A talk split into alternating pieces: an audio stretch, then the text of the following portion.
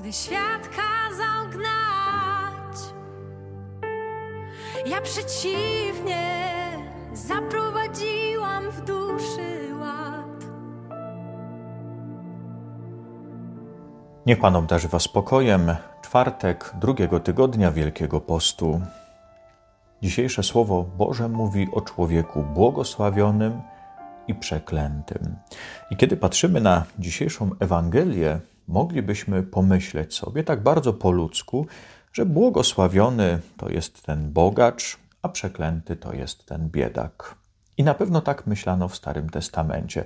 Znak bogactwa był znakiem Bożego błogosławieństwa. Jestem bogaty, jestem zdrowy, znaczy Bóg mi błogosławił. Jeśli choruję, jeśli jestem biedny, znaczy, że jestem przeklęty. W domyśle również jestem grzesznikiem, bo to moje życie, ta choroba czy bieda jest konsekwencją na pewno jakiegoś grzechu.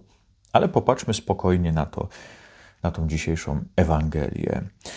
No, może być faktycznie po ludzku pobłogosławiony ten bogacz. Jak mówi nam dzisiaj Słowo Boże, ubiera się w purpurę i bisior, czyli bardzo drogie i bardzo szlachetne materiały. Dzień w dzień ucztuje wystawnie, czyli nieustannie przejęcia, nieustannie dobre jedzenie i jeszcze mieszka w pałacu, o czym też wiemy.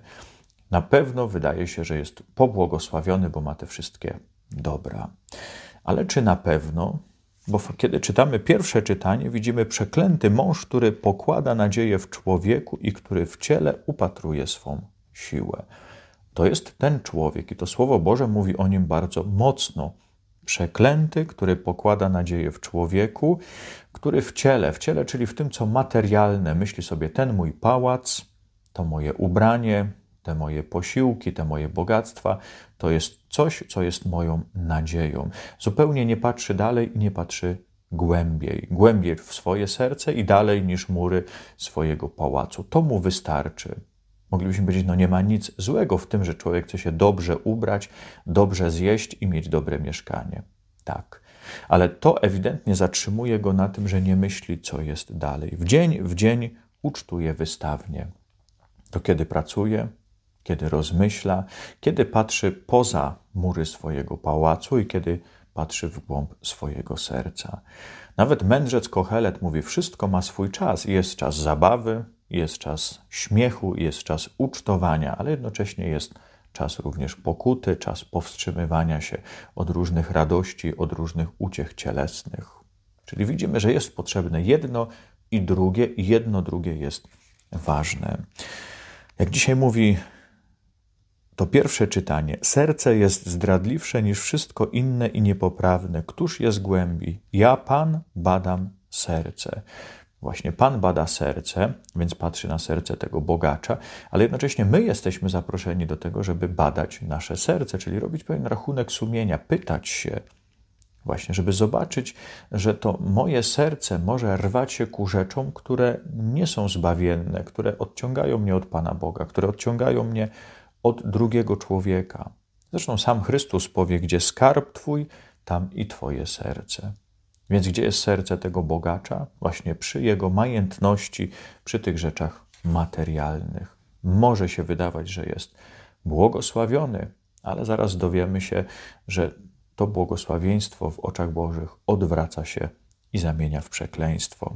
A ten, który po ludzku wydawał się przeklęty, czyli ten żebrak, my nawet znamy jego imię. Ten bogacz jest bezimienny, tak jakby wszyscy o nim zapomnieli, a imienia tego biedaka mamy, ma, imię tego biedaka mamy zapisane w Ewangelii. Jest to Łazarz. I co o nim wiemy? Wiemy, że właśnie leży pod murem pałacu tego bogacza, pokryty wrzodami i jedyna, ale wątpliwa pociecha to są te psy, które przychodzą i liżą jego wrzody. Tyle o nim wiemy, tyle za życia. I przychodzi śmierć, która jest sprawiedliwa względem wszystkich, i bogatych, i biednych. Umiera jeden i drugi, i teraz okazuje się, w kim pokładali nadzieję. Ten bogacz, który pokładał nadzieję tylko i wyłącznie w swoich dobrach materialnych, teraz cierpi, bo nie widział, że jest coś więcej. Bieda, który pokładał nadzieję w Panu Bogu, otrzymuje nagrodę, otrzymuje, byśmy powiedzieli, zdecydowanie lepsze życie. Ta perspektywa zaczyna się zmieniać. Nie jest tu powiedziane, że złe jest bogactwo, a dobra jest bieda. Ważne jest, żebyśmy patrzyli więcej, żebyśmy badali nasze serce, żebyśmy patrzyli, gdzie pokładamy nadzieję. I dlatego dobrze, że dzisiaj w czytaniu występuje również i Abraham. Ten, który uwierzył nadziei wbrew nadziei, znaczy uwierzył Panu Bogu.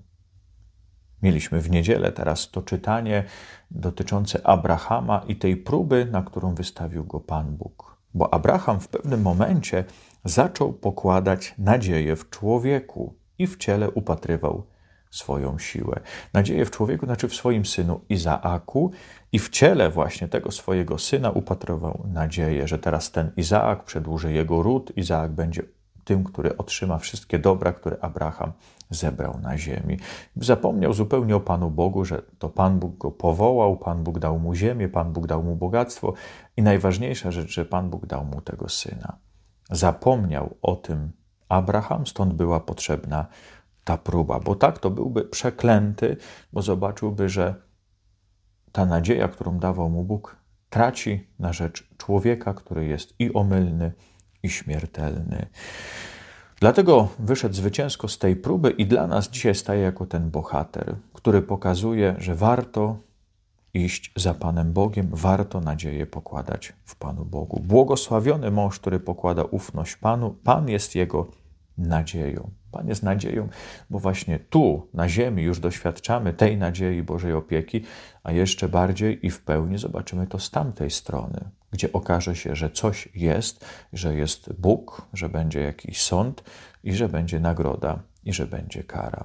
Ale tu już na ziemi możemy tego kosztować, tutaj możemy badać nasze serce, tu możemy się już zastanawiać, patrzeć, gdzie jest nasz skarb i oby tym naszym największym skarbem był Jezus Chrystus, który i tutaj będzie dawał co potrzebne, ale przede wszystkim będzie tym skarbem, który poprowadzi nas do wieczności.